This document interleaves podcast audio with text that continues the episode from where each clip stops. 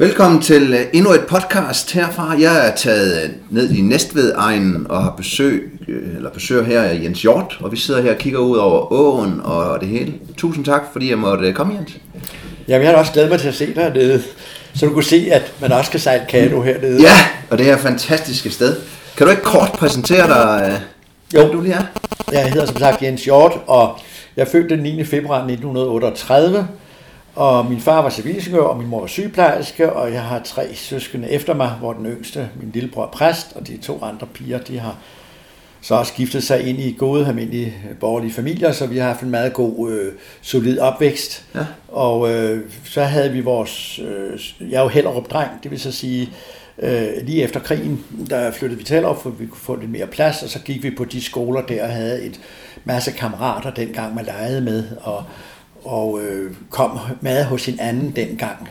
Øh, kom man hos familierne, hvor man talte sammen og lyttede til fortællinger, og hos os, der havde vi en fransk dame, der kom og talte fransk med os sammen med nogle kammerater. På den måde udvekslede man en masse oplysninger med hinanden. Øh, for ja, det var den tids underholdning. Ja. For vi havde ikke så mange andre steder, vi kunne gå ud og underholde os. Og så havde man, når man så endelig skulle mødes i selskabelige sammenhæng, jamen så holdt vi sådan en slags øh, Øh, bal, øh, hvor pigerne kom i tafskjoler, og vi andre øh, havde matrostøj på, eller noget andet tøj, og så dansede vi, og på den måde kom man sammen og spiste middag, men der var ikke noget, der hed alkohol og alt det der. Det er først min lillebror 10 år senere, der, hvor vi sad på skøderne hinanden og drak øl og spiste chips. Men øh, det er sådan, jeg vil sige, jeg har gået på nogle gode skoler, gik på Trangård, Øregård, Gammel Hellerup, og fik der en, en, en vældig god øh, baggrund. Og allerede der begyndte jeg så at interessere mig lidt for at komme ud og rejse. Dengang var det jo ikke almindeligt at rejse så meget. Vi var øh, i skolen kom på kulden, og vi kom til Norge, og der skulle man have pas og alt det der dengang lige efter krigen. Det var i 50'erne. Og så, øh, da jeg var øh, læst til gymnasiet, så var der noget, til DIS, og de havde nogle flyveture til Paris, og vist nok også London. Og jeg, min første sådan rigtig udlandstur blev så til Paris med DIS, hvor jeg så boede på, jeg tror, det slags billigt hotel, eller sådan lidt vandrehjemslignende ting, og så oplevede jeg Paris på den måde. Alene? Al- alene, ja. Ja. Og det var meget spændende, men der havde jeg trods alt nogle par adresser dernede, fordi øh, på det tidspunkt, der havde jeg sunget med i den russisk ortodoxe kirkes, kirkekor. Vi sang på dansk, det er den, der ligger i russiske kirke inde i København, Stor Kongensgade. Og øh, der fik jeg nogle adresser dernede i Rue i Paris, hvor den ortodoxe kirke ligger, og så mødte jeg op der, sagde goddag, og inden længe bliver putt velkommen, og så inden længe var du involveret i hele deres liv.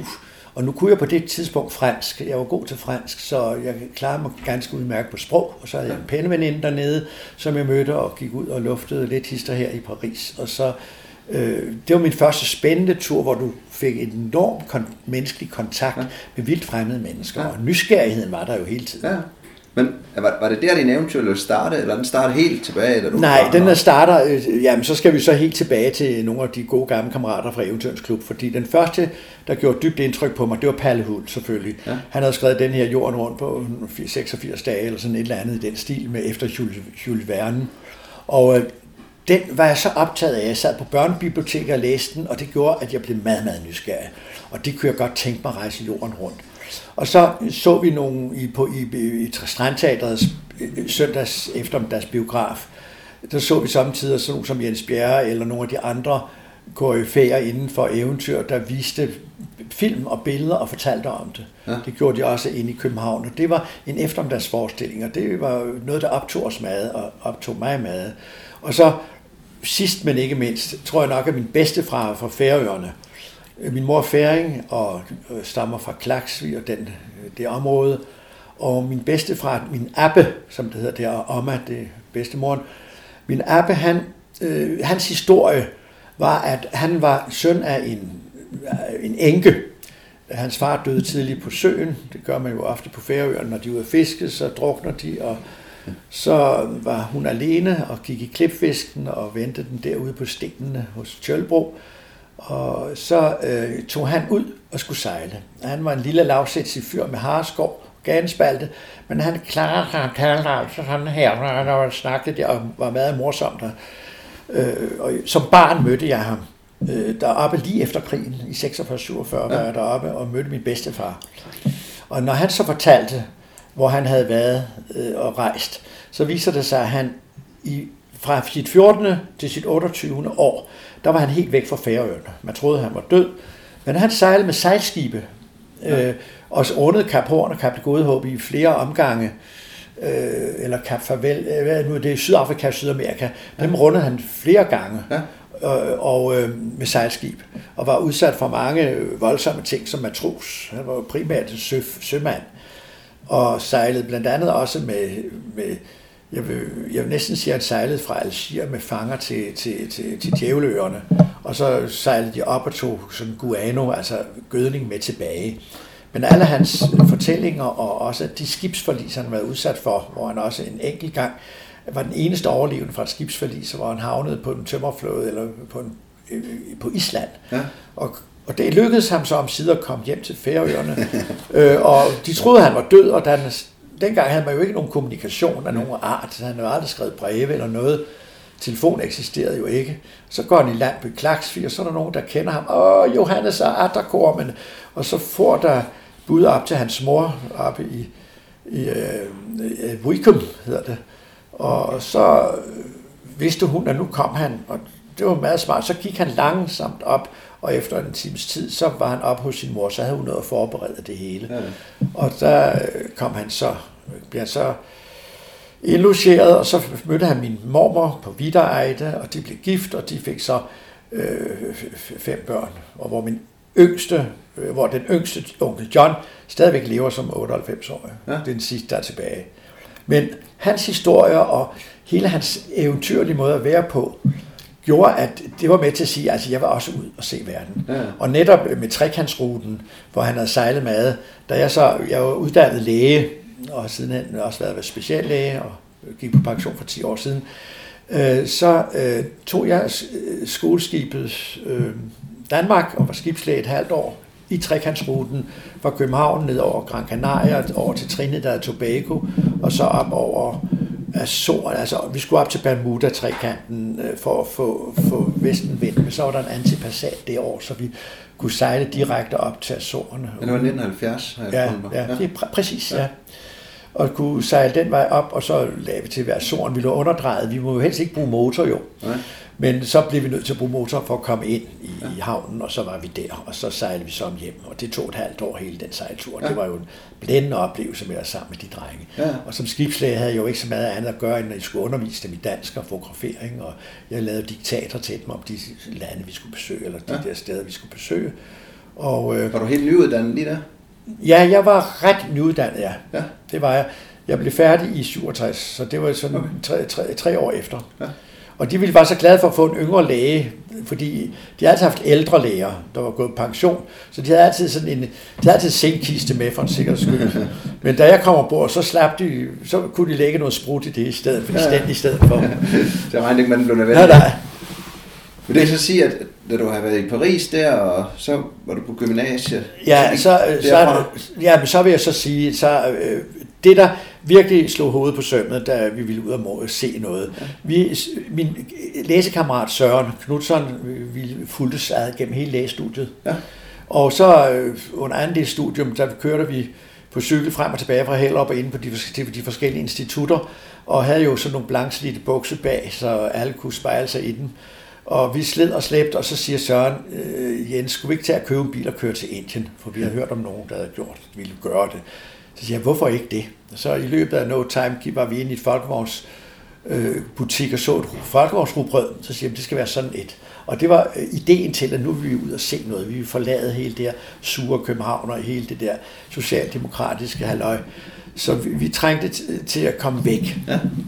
Så, øhm, så begyndte vi at forberede den tur, og vi skulle også tjene nogle penge, så Øh, som medicinstudent kunne jeg så tage til Kiona og tjene penge. Han tog til Lyksele og tjente penge, og da vi var læge der nogle måneder, så havde vi sparet sammen til denne folkevognsrugbrød.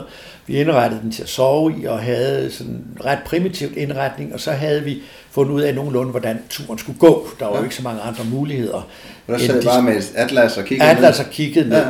Så fik vi selvfølgelig detaljkort sidenhen, ja. det kunne man så få det ude. Men øh, det gjorde så, at vi i august... Øh, øh, 63, ja. 1963, august, Så kørte vi ud af Gamle Køge Landvej med Alexander, kaldte vi bilen, stod Danmark India foran, og vi kaldte den Alexander, fordi vi skulle igennem det område i Pamir, hvor Alexander den Store med sine ja, ja, ja. i sin tid også red igennem. Det var kun jer to? Kun os to, ja. 25 år begge to? Ja. Ja, sådan. Og øh, så kørte vi selvfølgelig gennem øh, hele øh, Vesteuropa, og så ind i øh, øh, Jugoslavien, og så Bulgarien, og så Istanbul, og det var jo virkelig spændende. Det var så ærkekommunistisk dengang, så man blev kontrolleret. Men dengang var det ikke så slemt for danskerne, fordi de sagde altid, at det var et harmløst lille land.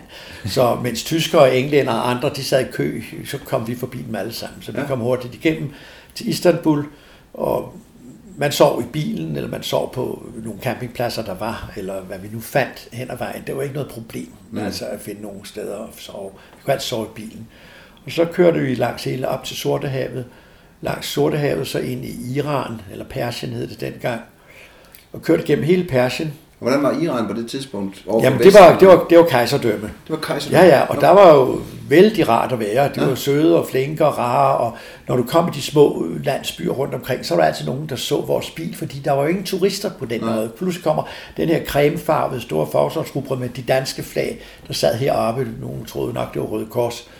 Øh, så kom vi ind og blev taget imod, og disse familier inviterede os ind her og der, og vi begyndte at tale med dem, og nogen kunne vældig godt engelsk. Og så kom vi også ud på et familiegravsted, og der var nogen, der var relativt velstående, så man nød godt af at se hele deres tradition og måde at leve på. Og da de kunne engelsk, kom vi jo på den måde ind og fik en masse at vide om Iran. Men vi var unge, og det vigtigste var, at vi kunne tale om religioner, om kærlighed, og om universet og øh, filosofi. Det elskede at tale om. De gad ikke at høre om, hvad vi havde og havde og sådan noget. Og der fandt vi ud af, at vi kunne jo tale sammen om, om ting, der, der, der optog unge mennesker på det tidspunkt med. Jeg har hørt alle snakke godt om Iran. Hvordan var, hvordan var vestens syn på Iran på det tidspunkt? Var det godt sammen? Det var godt nok. Det var godt. Kongen og dronningen havde været dernede. Der havde jo været, der havde jo, vi, det var positivt indstillet for danskere. Ja. Ikke, jeg tror ikke, den almindelige iraner vidste, hvad danskere var for nogen, men, men vi kom jo bare fra Europa. Ja.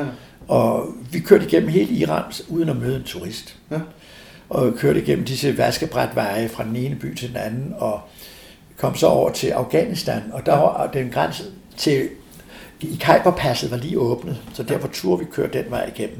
Så vi kom ind ved, i Afghanistan ved Herat, den der grænseovergang, og kørte så helt den sydlige rute øh, øh, til Kabul, hvor vi så var igennem Helmand-provinsen og alt det der, som vi nu har set i dag. Det er meget interessant at se i dag, fordi øh, når man du ser øh, ørkenen og de små landsbyer, så er det fuldstændig som det var dengang. Ja. Og der var fred og fordragelighed? Fred og fordragelighed, og de var søde og tog imod os, det var spændende. Du så selvfølgelig ingen kvinder. Ja. De var jo i burkager, og man må, så næsten ikke et kvindeansigt. Øh, men disse mænd, vi, årsagen var jo, at vi skulle have benzin. Og ja. der er jo ikke benzintanke derude, men der var nogle depoter i nogle forskellige forter. Og vi vidste nogenlunde, hvor de lå. Når ja. vi kom dertil, så kørte vi ind til det fort, og så fik vi disse plomberede øh, canyon, eller hvad hedder det, disse dunke, og så fyldte vi op med det. Ja.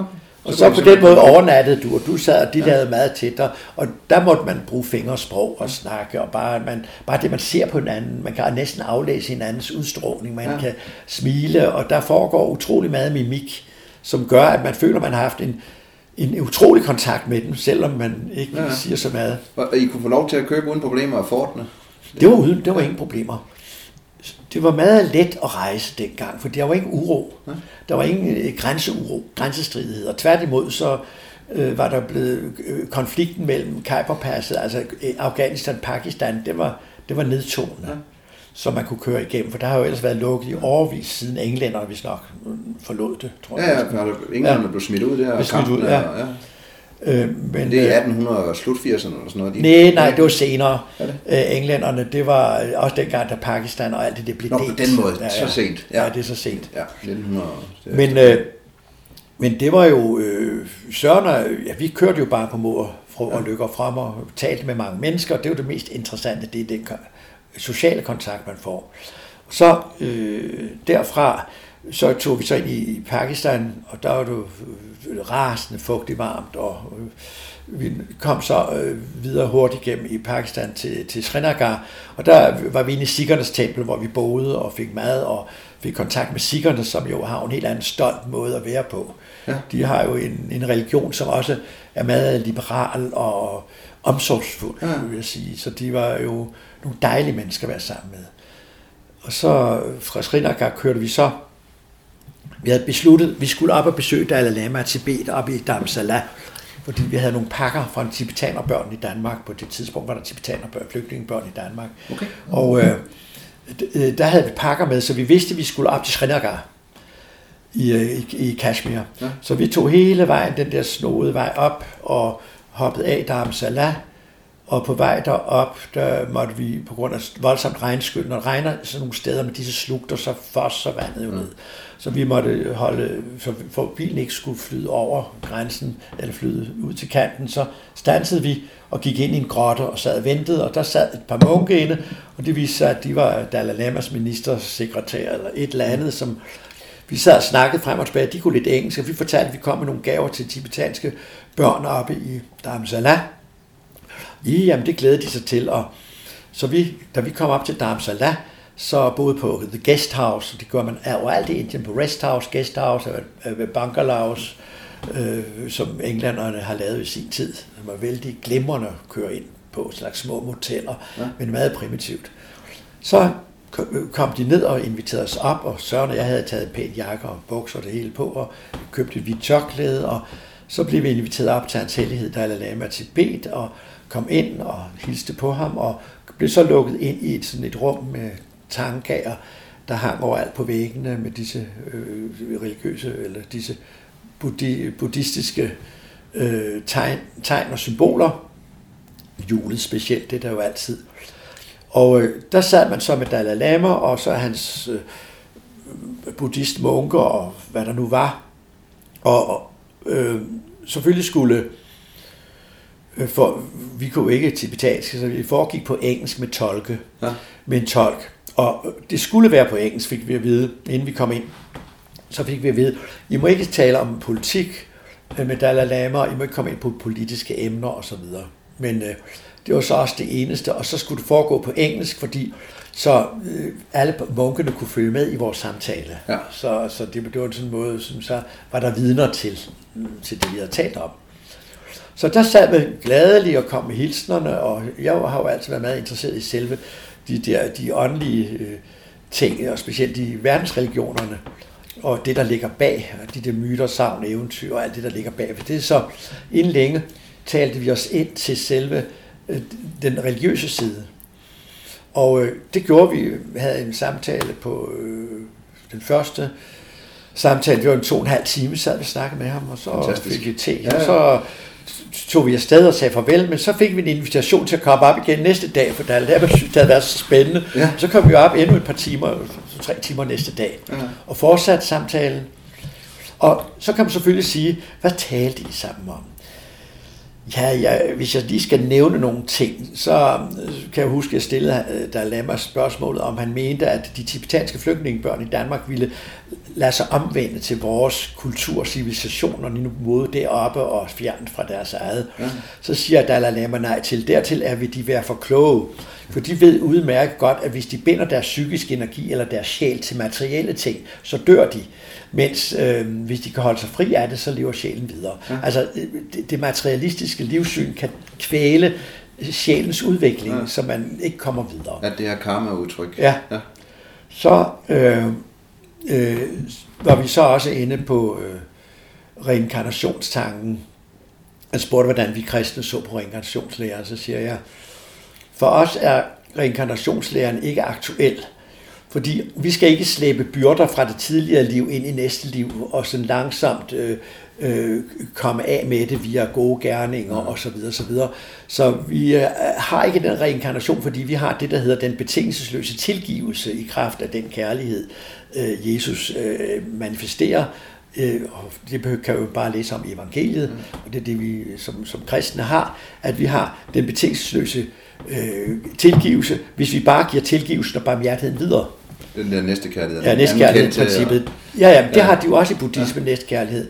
Men der skal man, vi skulle ikke gøre specielt fortjent til det ja. andet, end vi skulle sørge for at se bort fra det onde og glæde os over det gode. Ja.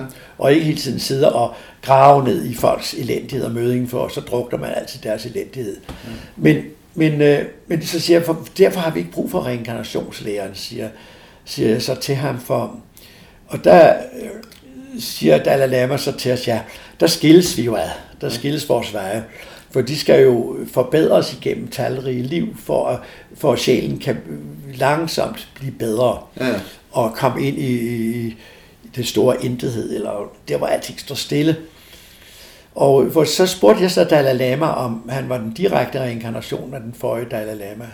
Så siger han, øh, øh, det vil han ikke lige sige på den måde, men han sagde, at øh, Buddha er som de tusinder, altså månen, der spejler sig i de tusinder af søer, og han er en af afspejlingerne. Og den forrige Dalai Lama er formentlig op på et højere åndeligt niveau, hvor der også findes mennesker i en højere udviklings, på et højere udviklet plan. Ja. Mens han, denne her Dalai Lama her, han er kommet her til jorden, og øh, menneskets korte levetid bevidner om, at det ikke er det allerbedste sted at være. For hvis vi levede meget længere, så ville vi gå til i, øh, i øh, menneskets ondskab, ja. eller dårligdom. Ja. ja, men det talte vi så også om, og så er der sådan en munterhed ind imellem øh, af forskellige art, og så er der en ting, som øh, da vi så hen imod slutningen af samtalen og skal forlade det hele, så, øh, så siger han til os sødt, meget sødt til os, fordi deres gudsbegreb er anderledes end vores, men så siger han, at om vi vil være venlige og bede og sørge for, at vores lands kirker beder for det tibetanske folk, fordi enhver bøn, bed de kærlighed, vil blive bønhørt. Ja. Og det var jo et vidunderligt salut at få til sidst. Ja. Fordi så er du hævet ud over alle de religiøse systemer, så er vi op på det åndelige niveau, hvor kærligheden ja. øh, sejrer, uanset, uanset hvad religionen, uanset, hvad religionen har. har. Så det var sådan en dejlig lysende eksempel. Og så siger han også, og så vær venlig og hils, hvis I møder tibetaner på jeres vej, han vidste, at vi skulle til Nepal og så videre, så siger han, så hils fra, deres, fra Dalai Lama med lys og kærlighed. Det skulle vi nok gøre. Og så drog vi afsted og kørte så videre. Ja. Og så kørte vi, ikke fordi jeg skal øh, øh, gå i detaljer, men, men det skete så i blandt andet i Nepal. Vi, var, det var lige åbnet Nepals grænse, så vi kunne vandre rundt deroppe ved Annapurna. Og en, en lille måneds tid var vi i Nepal. Og der mødte vi tibetanske flygtninge i lejre rundt omkring. Når vi kommer ind til disse tibetanske flygtninge, så kommer vi med en hilsen fra Dalai Lama med kærlighed og lys, og hele kvinderne holdt op med at karte og spænde, og mændene holdt op med deres med bedemøller, og pludselig samledes de og var så lykkelige og glade, så vi fik nogle billeder af dem, og de var så glade og, over, at vi kunne komme med øh, denne hilsen fra deres guddom. Ja. Og det er jo også øh, essensen, når man er på eventyr. Det er, at du pludselig kommer ind i, til folk, uanset sprog, så kommer du med en glæde, og pludselig er det som venner i lys vitale, som Grundtvig siger til sin sine. Det. Pludselig er der som, der åbner op. Man ser disse lysende sjæle, glæden og, og, og, over, at man kommer med sådan en, en kærlig hilsen. Ja. Og det er, øh, det, det, det er som om, der bliver et kort øjeblik lukket op for en transcendent oplevelse, hvor du er hinsides tid, sted og rum, hvor du bare er derinde, hvor der er lys, lys og varme. Ja. Og det er også ligegyldigt, hvor man kommer ligegyldigt, fra, hvor man kommer. Samme Fuldstændig til ja. samme referencer. Ja. Og jeg har været udsat for præcis det samme på en senere tur. Øh, min kone og jeg vandret en del i Himalaya også, og da de hørte, at jeg var, vi var op til noget, der hed, øh, på en senere tur op i noget, der hedder Shimsal, højt oppe i Nordpakistan, øh, oppe for Hunza og videre op, lige helt op ved, ved den kinesiske grænse, der vandrede vi ind, som også få, kun få turister har prøvet, øh, over hængebroer med hængebroer og store slugter og det hele, og det var en meget spændende tur. Så kom vi til en lille landsby, hvor der var, de hørte, at jeg var læge.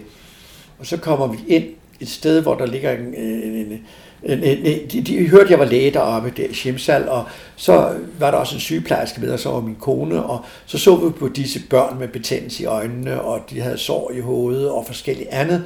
Men så havde vi jo øjendråber med, og vi prøvede at behandle nogle af disse små ting, og folk var glade, og først i begyndelsen græd børnene, og, og de kom til, og jeg drøbte deres øjne, og så efterhånden blev de glade alle sammen. Og bare det, at man kommer som et menneske, hvor kan disse mennesker se, at man vil dem det bedste. Ja. Uanset om de bliver helbredt eller ej, så kommer man med et kærligt sind.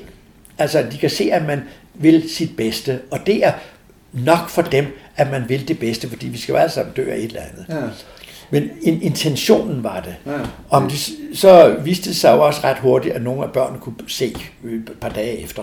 Ja. Altså det hjalp med disse, mod disse infektioner. Og så lærte vi dem, at de skulle øh, vaske alle de, alt det linned eller det tøj, børnene lå på øh, for bakterier, fordi det er det, der gav dem sårene rundt omkring. Så du ved, man prøvede at lære lidt, men bare det engagement at se denne, alle disse mennesker, øh, jeg kan huske, at jeg stod over for, de stod og kiggede på mig, og så der pludselig, da jeg havde behandlet denne her barn, og de andre havde puttet lidt jod på og så videre, så pludselig smilede barnet til en, og så smilede de igen, og der var man igen op på det der kortvarige, transcendente plan, hvor du pludselig siger, uanset tid, sted og rum og hvem man er, så øh, er der en, en fælles, øh, kan man sige, øh, så er man omfavnet af en eller anden fælles øh, kærlighed. Det er sådan som jeg siger, stjernestunder eller lys, øh, lysoplevelser. Ja, så er man så, så tilbage igen i det, det, det banale, men ja. det er der, hvor der pludselig er, og det er det, jeg synes, er det dejlige ved at rejse, og det er jo derfor, jeg siger, når man kommer ud, og det tror jeg, det gælder alle eventyr, det er ikke bare et spørgsmål om præstation, det er et spørgsmål om øh, at komme sammen med sine medmennesker, uanset hvad. Ja. Og man kan godt komme langt, uden man nødvendigvis behøver sproget. Øh, Søren og jeg gjorde det, at vi kom til i Indien til en lille landsby til Konch, kan jeg huske. Det kom så af, at jeg tror, det var i Benares eller et andet sted. En mand med sin kone havde været på pilgrimsrejse, eller øh, hun skulle helbredes ved at døbe sig i det her vand. Og så spurgte han, om vi havde lyst til at besøge hans landsby. Jamen, det er jo godt. Så de satte sig ind i bagagerummet, og så kørte vi. Han viste vej til denne landsby, hvor de boede, og der havde jo ikke været nogen øh, hvide, eller siden englænderne forlod det en del år forinden, derefter efter 2. verdenskrig. Øhm, så vi kom ind i landsbyen, og kom ind, og han kunne engelsk, han var skolelærer, vi snakkede lidt frem og tilbage, og mange skolelærer der, hvor vi skulle holde foredrag, Søren og jeg, hvor vi kom fra, de viste, at de var jo meget kommunistisk indstillet. Nu er det at sige, at mange inder kunne vældig godt engelsk, fordi englænder har jo været der jo generationer, så det var ikke så besværligt. Men det bedste måde at kommunikere på, det var, at vi samledes på en stor terrasse, og så begyndte de at synge og spille for os på deres små harmonikaer med, med, med tastatur på. Og så begyndte Søren og jeg at synge nogle danske sange, ja. og så kørte det frem og tilbage. Og den kontakt, hvor musikken talte, var vidunderlig. Og jeg har nogle pragtfulde billeder af de her sådan, forskellige vilde ansigter, øh, der sidder og kigger ind i hovedet på os der, og vi kigger på dem. Så den oplevelse var, man var virkelig på, som man siger det. Og den slags oplevelser kan man jo fortælle mange af, for det sådan foregik jo hele turen gennem hele Indien. Øh, vi var jo som sagt på Nepal og... og Men, altså, I var jo til Tibet og så til, til Indien. Oplevede I et skift? Fra hvorfra? I var i Tibet først, ja, ja. og så ned til Indien? Ja. Men i Tibet... Det var Nej, vi var ikke i Tibet. Vi var på den indiske side, den indiske side, side af Tibet, ja. ja. Han var flygtet jo. Ja, ja, der ja. var han flygtet. Og, og kunne I, altså, Ja, Hvor der, meget var der med de spændinger der med Kina og det på det Jo, tidspunkt? der var stadigvæk spændinger. Ja. Altså, de var jo, øh, der var, der, og der kom stadigvæk tibetanske flygtninge ja. over grænsen. Så I kunne ikke få lov til at køre ind igennem selve Tibet? Nej, nej, nej. I der var kun komme ind i det der eksil? Vi var jo kun oppe ja. i eksilet, ja. og øh, i begyndelsen placerede de tibetanerne nede i ved Mysore ja. i Sydindien, men der var for varmt. Tibetanerne kunne ikke trives der, så de fandt et Dharamsala. Det var ja. så højt oppe i bjergene, hvor man som en godt kan blive højdesyg, hvis det kan være. Men der kunne de leve, og det var meget fredeligt, og der kunne det leve og der, det er der, hvor Dalai Lama stadigvæk har sit, sin ja. eksilresidens. Men det er også der, ja. for eksempel Thor Grønne, som har været cyklet igen. Ja, det ved jeg. Jeg har snakket med ja. Thor om det. Og jeg, det var meget sjovt at høre den, den nye historie om det, ikke? Jo, og så er det præcis det samme. Altså den der øh, gang, den der hængebro, han går over på den der den bog, vi har skrevet med ja. udlængst, den har jeg simpelthen også været over et gang. Men, men, øh, men øh, det, her, det her var jo 63-64, så, så lige for, vil jeg så sige, nævne, at øh, Derfra kørte vi så øh, ned over Benares ja. og, og så de hellige steder og Ligebålen og var meget optaget af det. Og vi havde jo tid. Vi tog nogle dage ad gangen. Ja. Og øh, der var jo ingen turister. Det, jeg har et billede, hvor Søren, som var en høj lyshåret nordisk mand, står og stikker hovedet op over alle de små indre ja. på vej ned til gatten, hvor de skal døbe sig i vandet. Ja. Og så ser man jo alle disse mærkelige rituelle handlinger, og de skulle velsignes, og ligesom katolikkerne bruger sådan en kost til at kaste vivand ud over folk, så tog de koens hale og dyppede den ned i gangesvand og piskede ud over folk, du ved. Der var mange måder at velsigne på. Ja. Men, øh, men det var jo, jo fabelagtigt spændende, fordi der foregik jo mad, og hvis man har antennerne ude, så øh, ser du jo ting. Og specielt det der, langsomt kommer man ind i nogle fællestræk. Det er, det er Jung sidenhen, da jeg læste Jung, det er arketyper. Du kommer ind og ser, at de tænker og føler faktisk på samme måde, at deres myter savn på mange måder er lidt af det samme som vores. Altså, de, de tangerer hinanden på en eller anden fasong. det er så sjovt at se det der. Der er den der grundting, som er blevet opvokset til forskellige regioner. Ja. Men, Altså, og ned på deres bunden, forhold så er til det så- død og for, forskellige andre ting, også til indvisesprocesser fra barn til, til voksen, og øh, hvor vi har konfirmation, ikke? der har de nogle helt andre, vi har nogle gamle rituelle handlinger til overgange, fra at du bliver født, og du skal beskyttes mod det onde, ikke? og så skal du klare dig her i livet og beskyttes mod det onde. Hele tiden, en, en, en, man skal beskytte sig mod det onde øh, på en eller anden fasong. Klæs på til, at hvis du ikke er beskyttet mod det onde, så risikerer du at blive offer for det. Ja. Så det gælder alle steder. Når så, og så døden, også når du rejser andre steder, som jeg sidenhen har gjort, Himba-folket for eksempel, Himbærerne nede i Sydafrika og noget andet, deres forhold til døden er meget lig andres øh, død, dødskulte med sjælen, der lever videre. Ja. Nu dernede tror de ikke på reinkarnation, der lever sjælen videre på et univers, hvor de stadigvæk har kontakt indirekte med de levende. Men nu skal jeg ikke komme længere ind på det, men det vidner bare om, at vi har nogle fælles menneskelige Ja. træk. Og øh, fra Nepal, der øh, hvor vi var øh, ude og fløj til Pokhara. Jeg ved ikke, om jeg fortalte det før, men til Pokhara så var på en missionsstation, og der vandrede vi så deroppe omkring øh, Annapurna og Daglakirke Ja. ja. et stykke tid, og der havde vi nogle bæger med, og der var jo der var jo ingen turister dengang. Og så i Kathmandu boede hos en, der hed Boris, der var gift med en dansk kvinde, der hed Inger. Hun hed Inger Pfeiffer til efternavn.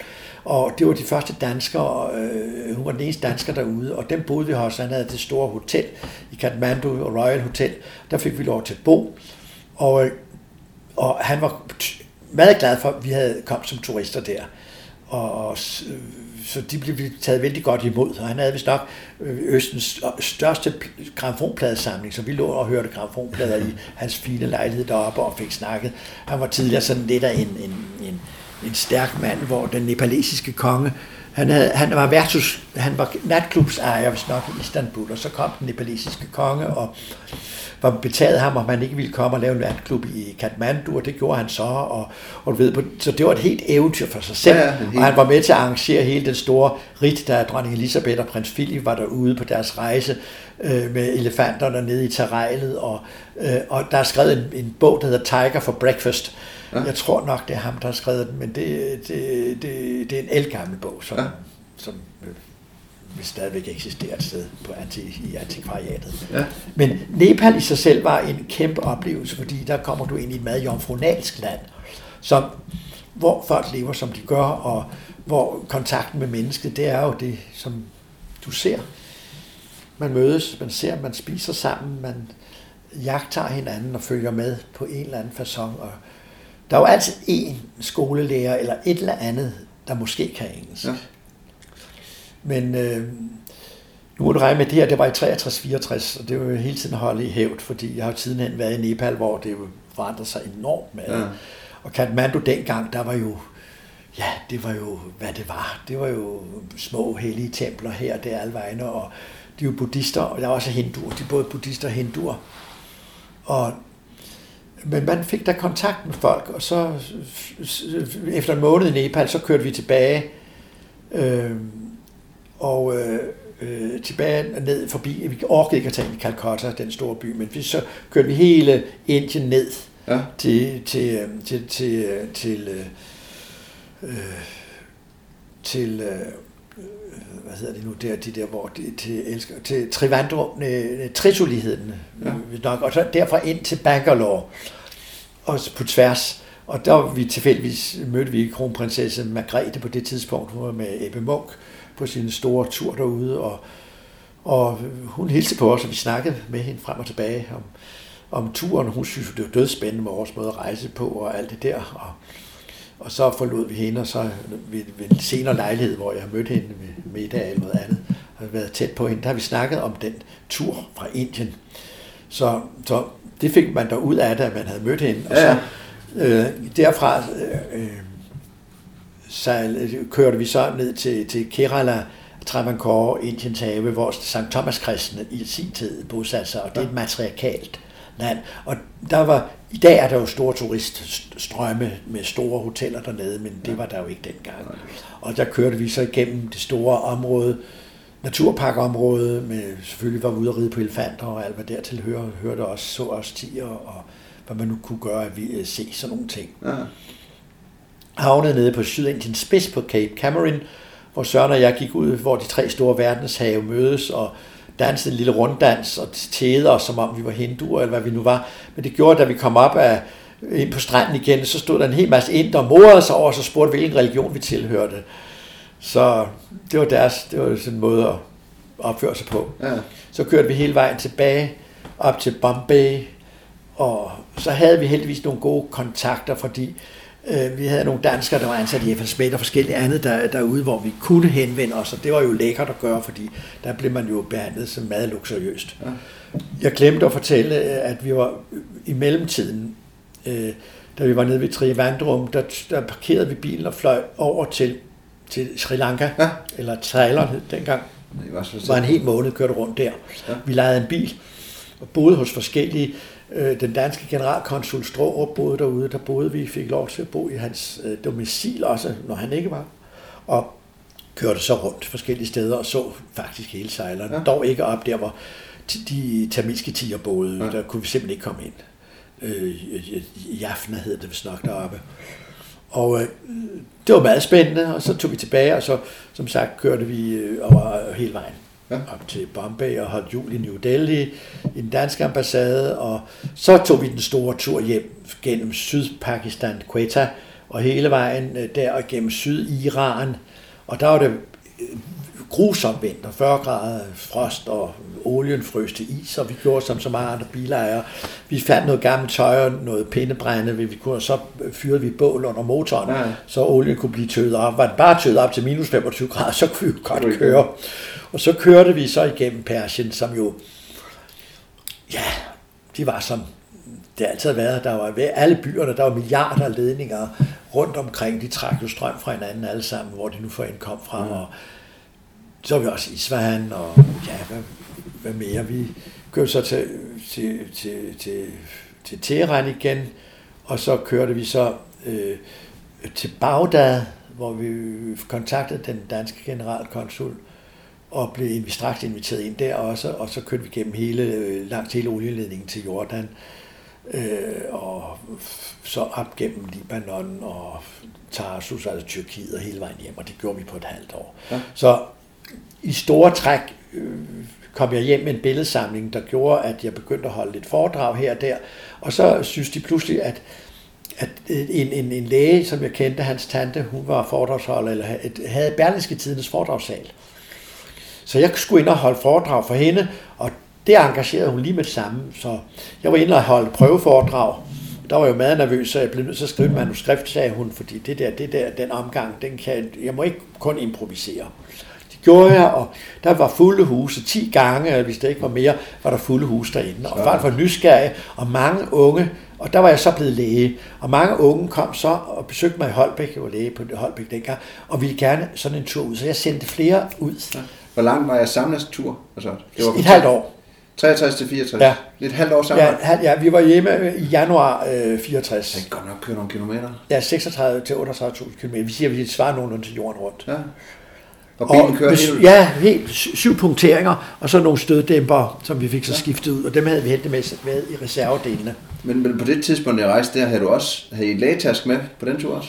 Ja, det havde vi jo. Øh, ja, altså ikke for at behandle andre nej, mennesker, mere for vores egen skyld. Ja.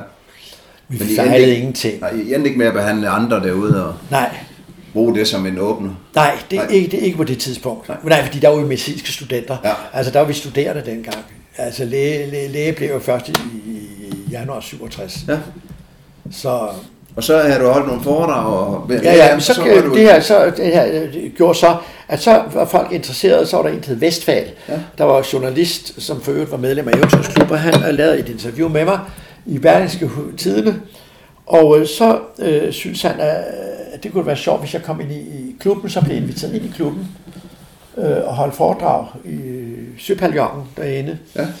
Og jeg fortalte alt, hvad jeg kunne med arme og ben og billeder og det hele, og min fantasi fejler ikke noget. Så øh, det blev et meget spændende og sikkert også meget morsomt foredrag. Og øh, det gjorde så, at så et halvt år efter sine, så skrev de til mig, at de, de havde fundet mig værdig til at komme ind i klubben. Og så blev jeg så optaget. Ja i klubben, og det var jeg jo meget stolt over, som det yngste medlem i mange år, var jeg den Benjamin derinde. Og der kom man ind i den her klub med alle disse autoriteter. Dengang var mænd autoriteter. Der var direktør for Zoologisk Have, det var Boy Benson, og der var Ventegodt, og, og der var gamle kaptajn Hansen fra det gamle skoleskib, og ja, Tribini for den sags skyld, og jeg kan nævne mange andre, som, som sad i, som havde været på eventyr. Og øh, ja, Jens Bjerre og selvfølgelig Hagen Wilke ja. og mange af de der øh, var der selvfølgelig. Og øh, det var et spændende kammeratskab, og Jan Ure, som var formand dengang, der bliver hurtigt sekretær. Så med klubben, der blev så inviteret af kong Hussein af Jordan til at fremme turismen i Jordan, fordi israelitterne gjorde alt for at ødelægge turismen. Så vi blev inviteret ned, og så var jeg sekretær og skulle præsentere klubben i deres fjernsyn dernede øh, på engelsk, så godt jeg kunne. Og og så fik, så vi jo både hele Petra, og vi så øh, hvad de rum, og der var jo ikke en turist dengang. Det var jo helt øh, også jomfrueligt. Ja. Og på den måde så kom jeg så ind i klubben. Hvem var det, der, hvem var det, der havde kontakten til, at du inviteret denne? Jamen det var... Øh, Ja, det, jeg tror nok, det var Jan Ure ja. eller en eller anden. Helt fantastisk, ja, ja på den invitation. jo, og så var det meningen, at vi skulle besøge kongen dernede ved Agaba. Han havde, kan man sige, det konge sin, sin sommerresidens dernede, men så skulle han pludselig afsted i en helikopter, og så sad vi der i vores fine tøj og måtte så vinke farvel til ham, og så gå op og tage vores badetøj på igen. Og så. Ja. Men selve turen, øh, dengang, hvor vi var også var nede på grænsen til Saudi-Arabien, men det er jo ørken, og det var vældig spændende. Og der vil jeg så sige, vi har haft nogle vældig gode ture med Eventyrsklub, øh, Yemen for eksempel, var meget, meget spændende, og vi har jeg har været i Grønland, øh, Amazalik og øh, vi har også været andre steder, hvor, øh, øh, hvor havde nu lavet nogle klubrejser. Det var vældig, ja. en vældig god idé, og det har vi jo så den seneste klubrejse, som du ved, det var i Istanbul, hvor du selv har været med. Ja. Det var altid, så kommer man anden tæt på. Ja. Men det, der gælder fælles for os alle sammen, og det der med, det er udlængsen og nysgerrigheden. Fordi man er nysgerrig, og jeg, når jeg er nysgerrig på et eller andet, så kan jeg ikke op, før jeg har fundet svaret, eller på blevet mættet. Ja. Og det, selv min modne alder, kan jeg godt være nysgerrig med nogle ting. Ja. Og det er klart, at dette kæmpe, billede, den kæmpe billedverden, man har fået af at rejse, som du også får ved at rejse på din måde, den havde jeg jo god gavn af, fordi jeg var praktiserende psykiater, og hele den billedverden og hele det univers, kunne jeg jo bruge, når jeg samtalede med mennesker. Fordi der var man inde i hele det, det sjæle livet og det religiøse liv, og jeg brugte eventyr, savn og myter for at prøve at få dem til at komme ud af deres små æsker, de levede i. Ja. Det var sådan neuroser, kaldte man det. De var bundet ind, snøret ind, nærmest som man snører fødder ind på kineser. De måtte kun leve sådan og sådan og sådan. Der var for mange regler. Ja. Men når man så lod dem læse eventyr og forskellige andre, så kom de ud af det her rum og kunne se verden på en ny måde. Og så kunne jeg selvfølgelig supplere det op med noget, jeg har mødt hos andre steder ja, og andre. Super. Hvor fortællingen, der talte. Ja. Det var samtalen og ordene, og sætte ord på, på, på, på, på situationerne. Og det vil sige, jo større ordforråd du har, desto mere kan du nuancere det, og du kan så tale ind til øh, der, hvor pludselig ord forløser en eller anden situation. Men det kræver også, at jeg tør være åben med det, jeg mener og omvendt. For hvis jeg er lukket og bare kører efter en psykologisk teori, ja, ja. så får du slet ikke den kontakt. Nej, nej. Og det, og det er jo det, de har brug for. De har brug for den levende, ja. den levende menneskekontakt. Du nævner meget på et tidspunkt, du øh, kigger meget på his, hvad skal man sige, regionerne, helt fra de forskellige regioner, og du snakker også om buddhisme, og, men så kan jeg se, at i 68 har jeg fundet frem, der tager du også på besøg i et kloster. Ja. Det Hvad var tanken med det. Ja. Det kom, det var Athos-klostrene. Ja. Og øh, det var en meget, meget, meget spændende tur. Det er meget svært at komme på Athos-klostrene. For det første må du kun være mænd, der kommer der. Og så skal du have en særlig tilladelse, en adgangs til klostrene. Det er i Grækenland, men hvor, hvor, ja. hvor, hvor, hvor, hvor ligger de? Jo, det er, det er den ortodoxe kirkes hellige sted, ligesom Vatikanet ja. er det for den katolske kirke. Så helt den ortodoxe kirkes hellige sted, det er munkehalvøen Athos. Og Grækenland her, så er der tre små fingre, der ligger heroppe. Den yderste, det er Athos-klostrene. Og den er 30-40 cm lang og nogle kilometer bred. Og der ligger klostrene på klippesider rundt omkring, ja. øh, hvor øh, disse ortodoxe munke bor fra den bulgarske, den russiske ortodoxe kirke, den bulgarske ortodoxe kirke, og den, alle de ortodoxe kirker er samlet er i dette munkesamfund. Ja. Og det er rent og skært munkesamfund, pragtfulde klostre, øh, som... Øh, øh, er delt op, og som har, det er, da vi var der, der havde det lige haft 1000 års jubilæum. Så de første kloster blev, blev, øh, blev vist nok øh, anlagt i 900 et eller andet. Ja. 80 eller sådan lignende, tror jeg nok, eller var det 970. De havde de, og det var den, det, det første kloster derude. Og det er der, hvor munkene byggede klosteret nærmest som fort, fordi der var mange sørøver og så videre ja. dengang. Men det var et, et helligt samfund, hvor man mødtes der. Og det, der kom så af, det var, at øh, jeg havde en kammerat, der boede hernede i Sydsjælland. Øh, han havde sådan en lille have, som han kan, kaldte sit, sit Atos, og så fortalte han, hvad Atos var, så siger gud, du milde det vil jeg, det kunne jeg godt tænke mig at besøge. Og øh, så undersøgte jeg, om muligheden var til stede, og øh, min lillebror, som læste præst på det tidspunkt, kunne godt tænke sig at tage med. Og jeg brugte det som udgangspunkt i, at jeg havde sunget i den russisk-ortodoxe kirke i København ja. og fik dermed en, kan man sige, en, en, en, en anbefaling. Så min lillebror og jeg rejste så ned til, øh, til, øh, øh, til, øh, til øh, Thessaloniki, altså til Grækenland, først til Athen og så op til Thessaloniki. Og der øh, søg, og gik vi ind i selve, øh, der hvor du kan få tilladelse til at besøge Atos. Der er et særligt øh, råd. Ja. Vi kom med denne præsentation, jeg fortalte øh, mit, min interesse for religioner, blandt andet også har jeg fortalt lidt, for eksempel med Indiens-turen, jeg havde besøgt, eller Lama og alt det der, så videre. Man gør jo alt, øh, name-dropper, ja, utrolig meget, bare for at fortælle, at man har en ægte interesse i det. Ja. Men netop fordi jeg havde sunget mad i den ortodoxe kirke og kendte det der, så var jeg meget nysgerrig omkring, for jeg holdt med den ortodoxe kristne tro. Fordi den katolske tro er noget andet, men den ortodoxe, det er den oprindelige oldkirkelige øh, sige, Oldkirken, hvor øh, kan man sige, gudstjenesteforløbet er meget baseret på sanserne. Man lytter, man hører, man dufter, og, og øh, man kærtegner, kysser ikoner osv. Man bruger altså sine sanser, og så er der en liturgi, et musikalsk univers, som er så helt fantastisk, hvor man synger sig igennem hele gudstjenesteforløbet. Ja.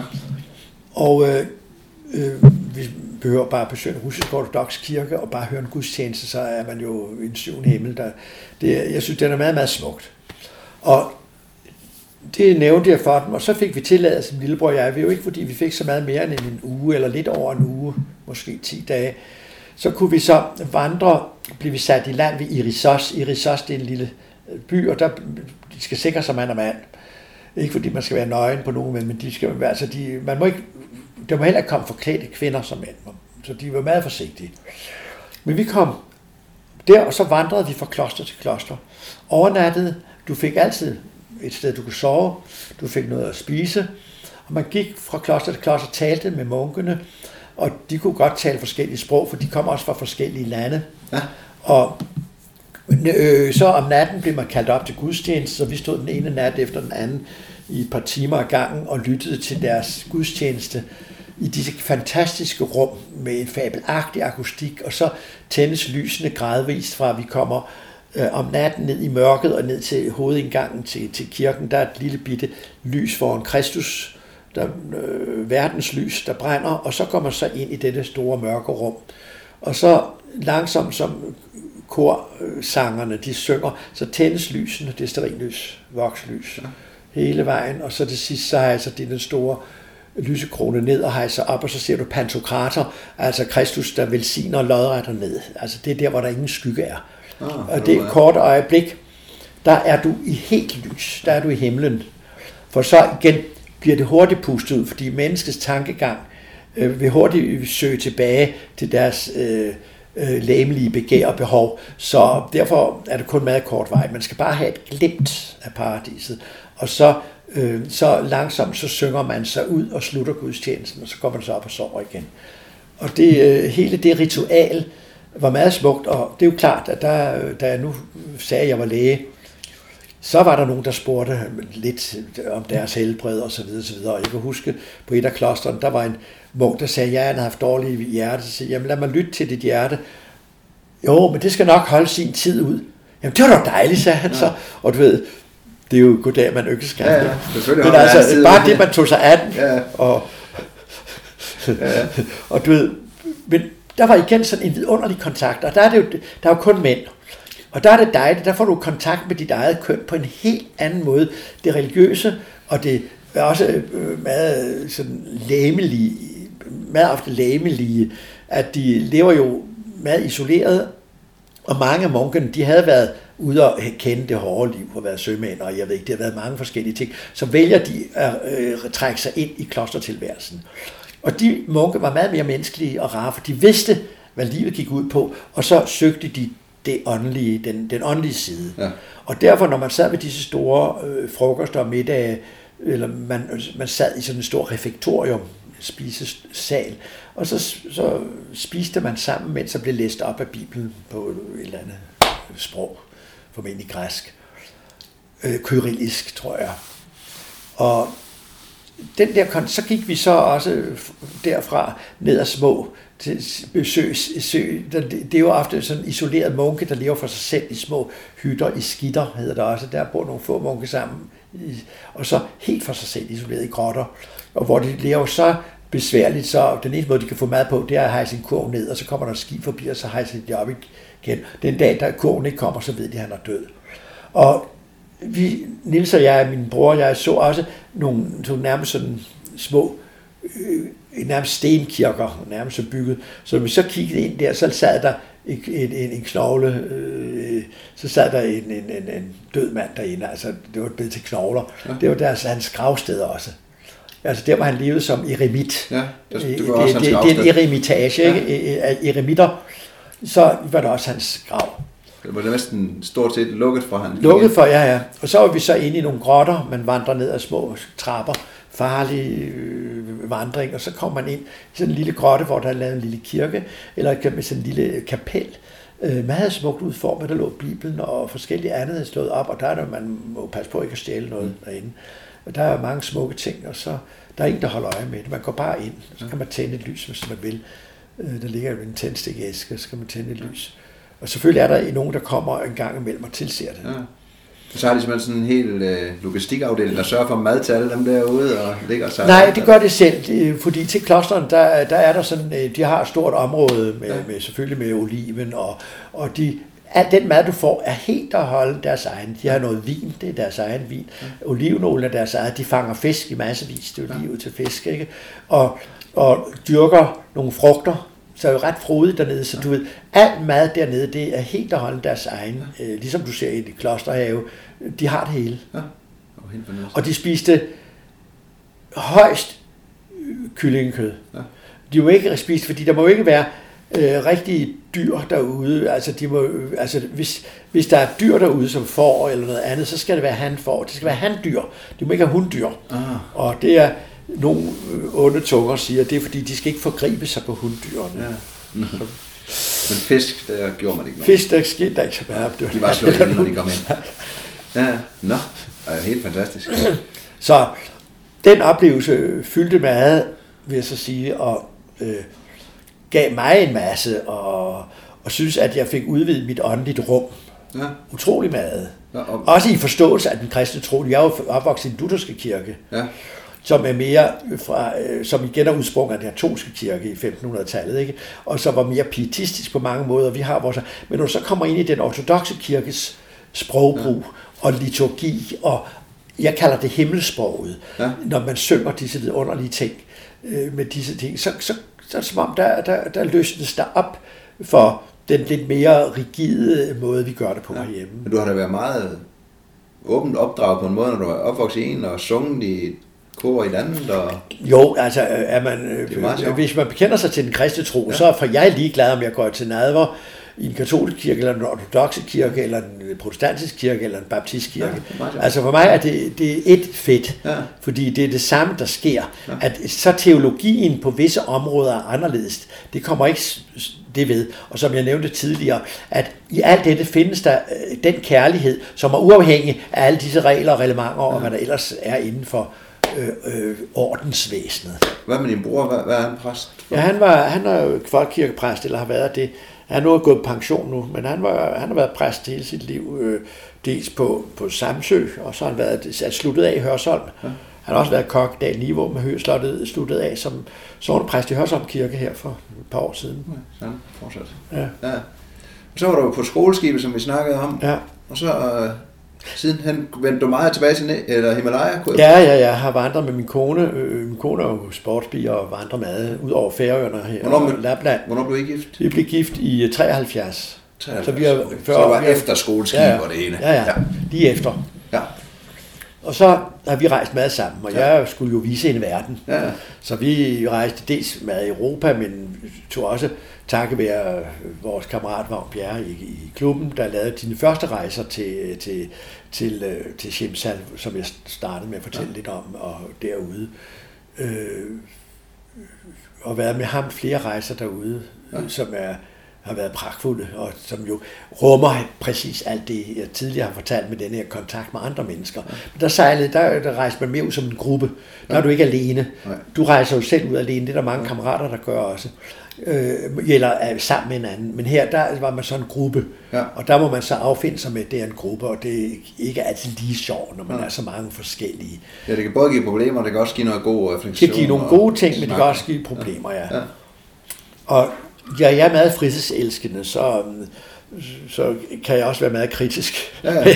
til, hvem Det kan jeg der godt er der, fordi jeg kan ense, jeg kan se deres, jeg kan se deres, nærmest deres øh, måde at være på. Ja. Øh, du kan registrere det, hvordan det er. Altså om det er nogen, man instinktivt, jeg vil sige instinktivt registrerer du dem. Ja. Om det er noget, du vil kontakte eller ej. Ja. Der er nogen, man instinktivt holder sig fra, fordi man vil ikke have ødelagt sit humør. Eller på nogen måde invadere sig de andres meninger. Nej, nej, når man har jo oplevet selv, så Ja, ja, vil man så- også gerne ja, ja. gode Men altså, derfor øh, har jeg ikke noget imod at rejse med Nej, nej. rejsetur. Slet ikke med kammeraterne i Eventyrens Klub. Nej, nej. Det har været Ja. meget sjovt. Så der har I fået rejst en masse ned på forskellige ture. Og så begyndte du også, så har du skrevet, at rejse til Japan og Kina og gik den vej. Ja, det er jo så decideret. Ja, det øh, synes jeg var meget spændende. Det var lige, da, øh, det, var, det var med, øh, der var sådan et eller andet kommunistisk rejsebyrå derinde, hvad det nu hed. Øh, Jeg, jeg ved ikke, om det var DIS, eller der var et eller andet, men vi, vi øh, var nogle af de, også nogle af de første. Der var Kina lige åbnet Ja. som turistland. Og det var ligesom firebanden var faldet. Så det var i 82, tror jeg nok, Ja. deromkring. Og der var der så småt begyndt at åbne, for tidligere var det kineserne ikke snakke med turisterne, øh, hvis der kom nogen, men der kom vi derud, og der måtte de godt, så vi blev inviteret ind i børnehaver, hvor man, det er jo den samme lium larm, du har alle steder. Men der så vi Kina og rejste meget rundt, og tænk, når du rendte i Peking, der var kun cykler, og der var en bus en gang imellem, og et par enkelte sådan, øh, regeringsduelige vogne, men der var ingen biltrafik overhovedet. Det var kærrer, de Ja. tynde kinesere, der trak afsted med disse kæmpe kærrer, og, øh, og ude på landet var det utrolig pænt. De var jo tynde, der fandtes jo ikke en overvægtig kineser overhovedet. De var skin og ben. Ja. Og vi ved jo, hvordan de faktisk mere eller mindre sultede. De fleste kinesere, de nåede jo aldrig, øh, ja, de sultede jo ihjel. Ja. Og hele det maoistiske system gjorde jo, at, at det var interessant, fordi det var kort efter, man havde kål, og der var så mange orme i kålen, og det var de så ulykkelige over. Men alle de orme, der var i kålen, og som ødelagde kålen, det var fordi, det blev spist af fuglene. Og fuglene, de var nogle år fra inden, der havde mave sagt, at alle fuglene, de må ikke tage kornene, så man klappede alle fuglene. Alle kinesere stod med et klaptræ og klappede fuglene, så de faldt ned og døde af stress. Og på den måde forsvandt alle fuglene, så, men så voksede ormene til gengæld. Ikke? Ja. Og, og nu måtte de gøre alt for at få fuglene frem igen, og prøve at få fugle tilbage, så de kunne æde de orme. Ikke? Så du ved, øh, et, et fuldstændig vanvittigt system, og Det jeg er lavet en klappekampagne. ja, ja, Ja, jeg begriber ikke, at, at mennesket, altså ikke har en sund sans og sund fornuft, der, der, der siger, at det er jo hul i hovedet, sådan noget, ikke? Men det kan man så i dag se tilbage på. Ja. Men det er sådan, i de, mange af de diktatorer er jo psykotiske ja. og mere eller mindre sindssyge, så det er også derfor, de bliver derefter. Men, øh, men, øh, men Kina var jo interessant, og der øh, var der en ting, som jeg fortælle, som jeg synes var vældig god. Vi kommer ind i en børnehave, og man sidder alle de søde børn, og de klapper hen, og der synger der samme ting, og har deres kotiljoner og vifter med, og alle sammen sløjfer i håret. Og så er der sådan en lille sød pige, så ser jeg pludselig på boghylden, der står hos Anders' eventyr. Og jeg trækker bogen ned, og det er et billede af nattergalen, så vi også kender det her hjemmefra. Og så bare stod det på kinesisk alt sammen.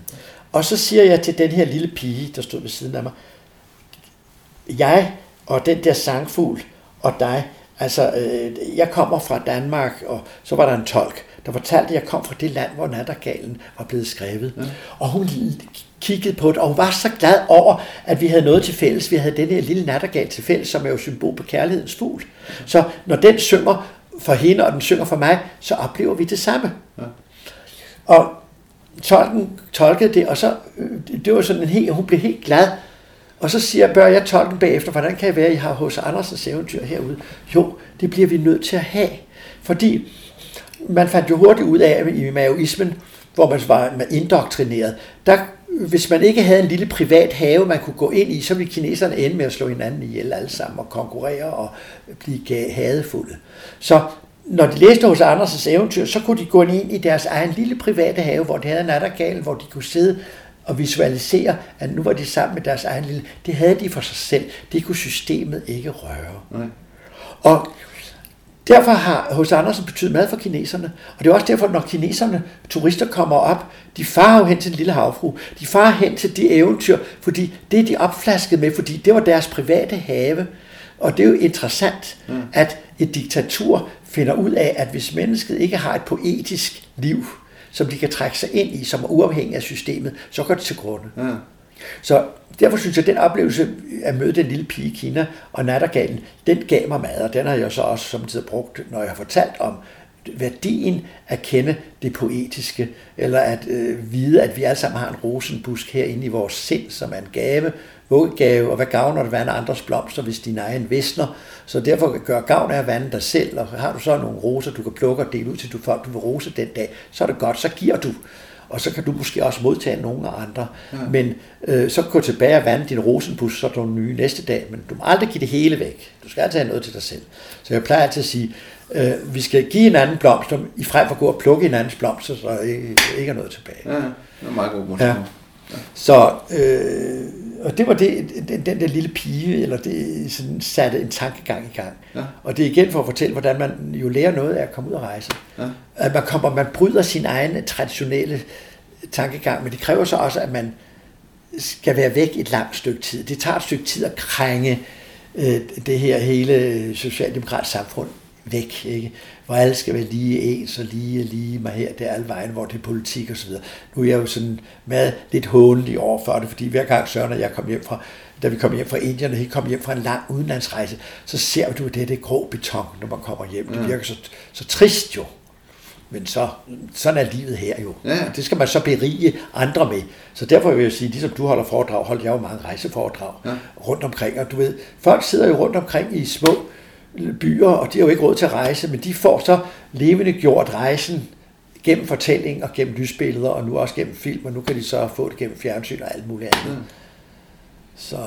Og det er folks frirum, ligesom de havde Det er frirum, fuldstændig som det, er, det er frirummet, så man kan udholde disse øh, politiske revkager og alt det bøvl. Ja, ja. Så alle har brug for nattergal. ja, rigtigt. Det er helt rigtigt. Og så har du bare rejst rundt lige siden jo. Du har ikke...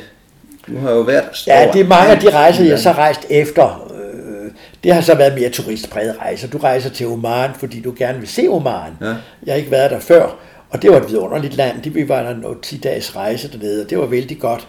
Men, og så selvfølgelig har jeg været i Ægypten nogle gange, og ligesom turister, øh, mere turistpræget rejser. Ja. Jeg har ikke rigtig været øh, ude på egen hånd, øh, andet end når jeg rejser op til Færøerne, eller nordpå. Ja. Øh, fordi jeg har meget færøsk familie, og, og det er jo også en helt befolkning for sig selv, hvor, som har helt deres egen eventyr. Ja, nemlig. Jeg elsker det. Og du kan jo selv rejse med i Norden, så... Jeg kan også se, at du har, haft, du har også haft en stor glæde for Mellemøsten, altså både Syrien, Libanon, Yemen, ja. Oman. Og, altså, hvad, ja, ja. Er det også region, du synes, der er spændende dernede? Eller nej, nej, det er mere fordi, øh, ja, ja, man kan jo sige, øh, jeg, jeg, på en måde lidt, jeg var fascineret af den arabiske kultur, ja. den. Ikke så meget, jo også islam, men det hører jo med, det er jo en del af deres liv, og men hvorfor jeg så øh, interesserede mig også for det, øh, det jeg, jeg, jeg er bare interesseret i det, synes jeg er spændende, jeg kunne godt lide øh, den måde, de var på. Ja. Fordi øh, jeg vil lige nævne, at vi, de, de var meget venlige, når man kom ned. Vi havde jo godt forhold til dem. Og alle disse rejser gjorde, jeg kendte jo lidt til deres kultur. Ret meget endda efterhånden. Og da vi så, øh, da jeg så som praktiserende psykiater sidder, og vi får alle disse flygtninge og torturer fra palæstinenser, der skal bo her, så var jeg en af de psykiater, der kunne bruges, fordi de elskede at komme hos mig, fordi jeg kendte det deres kultur, jeg kendte det deres, deres, øh, deres, deres historie. Ja. Og på den måde kunne man så udveksle, man kunne tale sammen igen på en måde, fordi de vidste, jeg kendte, vidste, hvad de tænkte og følte på deres måde, for jeg kendte deres regler og regelsæt. Ikke? Ja, ja. Og det gjorde, at jeg kunne forstå dem, havde det, der hed indføling ja. med deres tankegang. Og derfor kan jeg godt forstå, hvorfor der sker den der opsplitning hjemme, fordi de har en helt anden adfærd, tankegang, abstraktionsevne, end vi har med vores vest, vestlige kultur. Og hvis du bare respekterer, at de tænker sådan, ligesom os, da jeg rejste derude i landet, vi kunne tale om øh, mange ting, og føle, at vi havde virkelig noget til fælles. Vi havde, som du selv sagde, nattergal til fælles. Ja. Ikke? Er du inde på det niveau, jamen så er det vidunderligt at være menneske. Men hvis du går ind og begynder at hakke på den, hvorfor gør I det, og hvorfor gør I det, og sådan og sådan gør vi, og sådan gør I ikke, og så videre, så videre. Og alle deres rituelle handlinger og slagninger, og hvad de må og ikke må, og så videre, så videre. Når vi så er nede i det der, det kan ikke noget, du går ind og diskuterer det med dem. Man kan tale om det, men man må endelig ikke begynde at sige, hvad er ret og hvad er frem i det her. Mm. Så hvis man kan holde sig så rimelig væk fra det, og holde sig til den rent menneskelig side. Og derfor har vi, Anja og jeg, stadigvæk nogle, nogle øh, muslimer, havde jeg sagt, nogen fra Irak, og, og sådan, øh, vi besøger og har været til deres døtres bryllupper og, og været med til det og det, hvor du så går ind i det, ja. og er med sammen med dem, og så videre. Og det, det kan være vældig rart, så spiser man deres mad, de spiser ja. så vores mad, ikke? og de har også været hernede, så du får en udveksling. Jamen det er jo fantastisk. Ja. For problemet er, at man ikke man, man skal møde hinanden som mennesker, som du siger, for at blive gode venner. Ikke? Ja. Hvis man kun mødes ude øh, skal man sige, det offentlige rum, ja, ja. så når man jo ikke... At, du når ingenting. Ikke en skid. Og det er jo det, der er det gode ved, ved eventyret. Det er, at du får kontakt med en hel verden. Og hvis man kan engelsk, nu kan jeg fransk også, ja. og, og, og øh, det gør jo, at du får jo større og større kontakt, fordi der er jo stort arabiske lande, der er jo stor fransktalende del. Ja. Hvordan, øh, nu har vi snakket om Mellemøsten og alle dine rejser, men, men hvad sådan, når du rejser så meget, hvor kommer nye idéer fra, sådan stille og roligt? Ah, nu er jeg 76, ja. og øh, jeg vil sige, som hos Anders, i Danmark er jeg født, der har jeg hjemme, der har jeg råd, derfra min verden går. Du danske sprog, du er min moders stemme, og som en sød musik, mit hjerte slår. Du danske, friske strand, og så videre, så videre, så videre.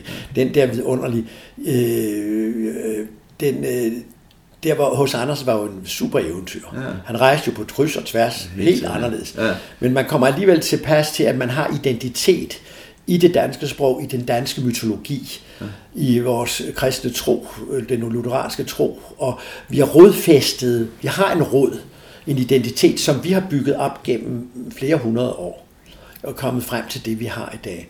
Og øh, det vil jeg ikke slippe. Øh, man kan godt eksperimentere med at gå ind i forskellige religioner og prøve at sidde og meditere på buddhistisk, hinduistisk eller sidde ude i Himalaya og tro, man får en et højere åndeligt niveau.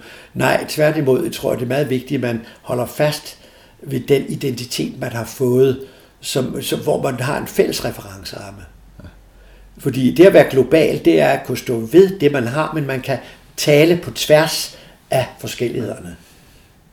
Men er det ikke sådan lidt også, når du har rejst så meget ud, man bliver, man bliver egentlig faktisk klogere på sig selv og sit hjemme ved at møde andre ting? Præcis. Ja.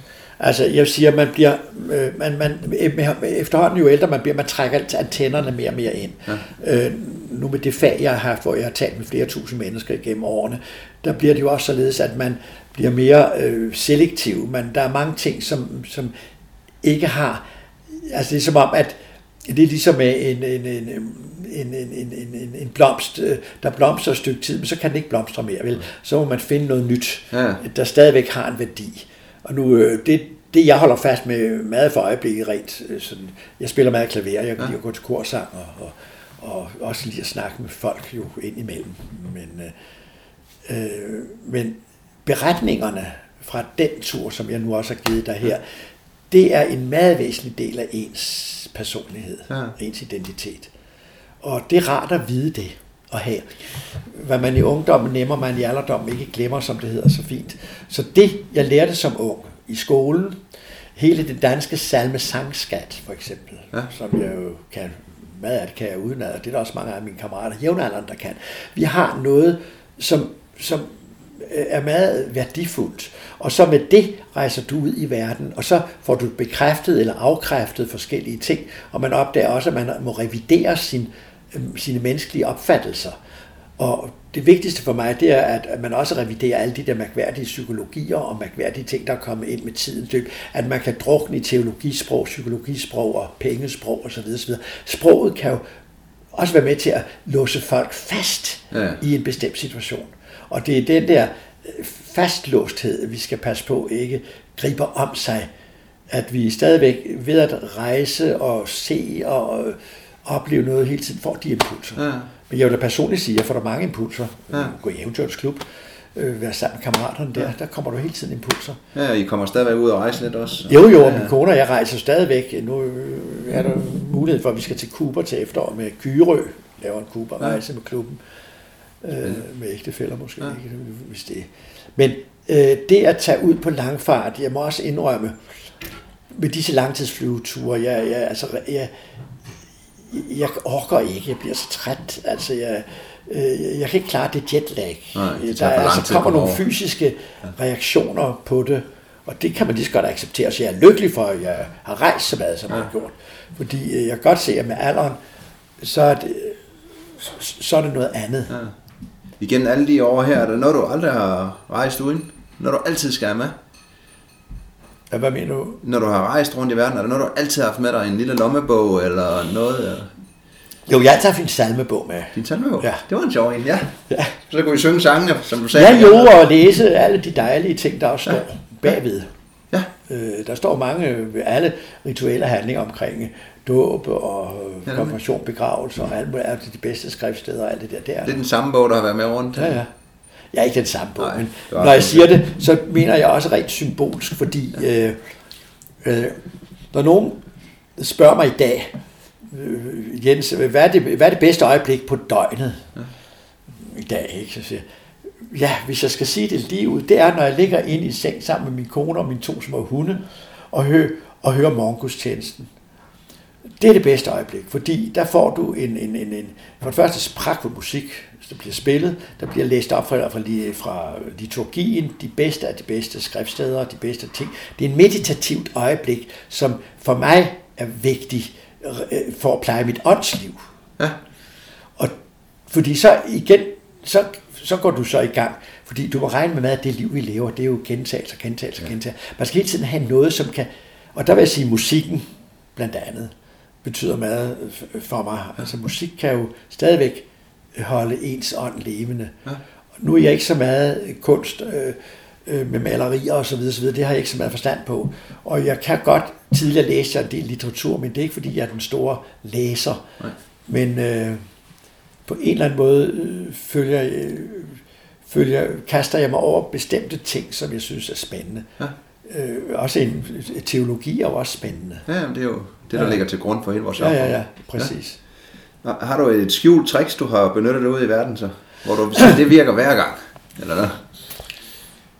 Udover samtalen. Jo, altså, jo, samtalen, jo, man, øh, man smiler og ja. prøver at øh, kontakte dem og være, ja, hvad skal man sige, på en vis måde øh, er udadvendt og prøver at bruge sin charme ja. på en eller anden måde og kommer meget, øh, man skal være meget smilende og glad. Det virker også, som om du har brugt det meget, det her med at hilse og med og ligesom Ja, ja. Kunne, kunne skabe en fælles referencerum. Være åben i Ja. et bestemt rum, altså øh, det er en meget vigtig ting, og, og øh, hvis du skal, øh, man lærer jo samtidig også at begå sig, når man kommer ud for, jeg kan huske, da Søren og jeg kørte igennem Indien, der kom vi til vi skulle ind i Kathmandu, vi kunne ikke komme igennem, for vi havde ikke alle de tilladelser og så videre, så videre. og vi var gode råd var dyre, jamen Søren skældte dem ud og sagde, at vi skulle ind.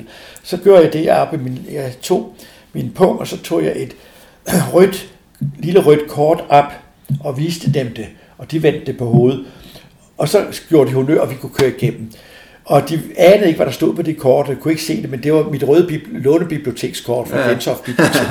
og, og, og, og der var også, nogle, hvis man skal igennem øh, sådan, øh, sådan de er jo meget korrupte i de lande, og de vil godt lide at bremse en. Så hvis du har sådan en eller anden guldrendet papir med et eller andet skrevet på, med, med underskrifter så bare viser dem det, så bliver de så autoritetsrå for det, så det kan man altså også bruge til noget. Ja, øh, noget, der ser officielt ud. Jo, og så en ting, som var morsomt, de, vi smuglede jo penge ind, når vi skulle ind til Indien, der kunne man så øh, øh, brugte rupi, det kunne du købe i Teheran, du kunne købe det i Kabul, meget billigt, for nogle få dollar fik du masser af rupi, så du ved, så vi levede ret billigt, ellers var det ret dyrt derude. Ja. Det var forbudt at importere, det er jo klart, at vi skal bruge dollarne derude. Ja. Men det gemte vi. Og så siger så sagde jeg, Søren, hvor kan vi gemme det, for de kan jo godt finde på at finde det. Så tog jeg, jeg havde Bibel, vi havde Bibelen med, det havde jeg med, med de meget de tynde guldblade, ja. som jeg har fået i konfirmation gang. Og der lagde jeg alle pengesedlerne ind mellem de små sider, for den klapper sammen, så du kan ikke se, der er noget i, men til en almindelig bog, der kan man hurtigt se, når ja. noget stikker ud. Så den stod på vores lille boghylde. Og så kommer vi til grænsen til Indien, og, øh, og så begynder han at interessere sig for bøgerne og siger, at det var interessant. Og så kigger han og bladrer bogen igennem. Og så kommer han ned til Bibelen. Oh, sorry, sorry, it's our holy book, it's our holy book. Please, please, please, our holy book. Oh, sorry, sorry, sorry, sorry, sorry, sorry. Han rørte den ikke. Og på den måde reddede vi vores Ja, det er penge ind. så jeg brugte... Fantastisk.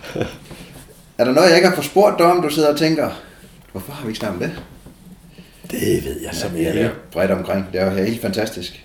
Har du, øh, nu har jeg jo snakket med nogle stykker, har du nogen, en anden gæst, du kunne foreslå, at jeg skulle tage en snak med? Ja, jeg synes, du kunne prøve at snakke med din gode gamle Tirslund, gamle Søren, ja. som nu er nogen af 90 og stadigvæk åndsfrisk og har for nylig været ude på New Zealand og holdt foredrag om navigation. Og han ved alt, og han har været som, det har været dødspændende at høre ham. Ja. Og vi synes, at du skal kontakte, inden det er for sent. Ja, nemlig det kunne være. Fordi han kan virkelig fortælle noget, som har en stor historisk kvalitet, ja. og som har noget med alle disse ud, blandt andet Grønland, ikke? Alle de ja. der, han har mødt alle de oprindelige polarfarer ja. og sådan noget. Oh, det lyder som en helt rigtig mand. Super. Jamen, tusind tak for, at jeg måtte interviewe dig her. Og det var så endnu et podcast for Kom Ud. Kan du lide, hvad du hører, så øh, skriv en kommentar og hernede under, eller send mig en mail. Og hvis du har en anmeldelse, kan du smide den ind i iTunes, og vi høres ved en anden gang.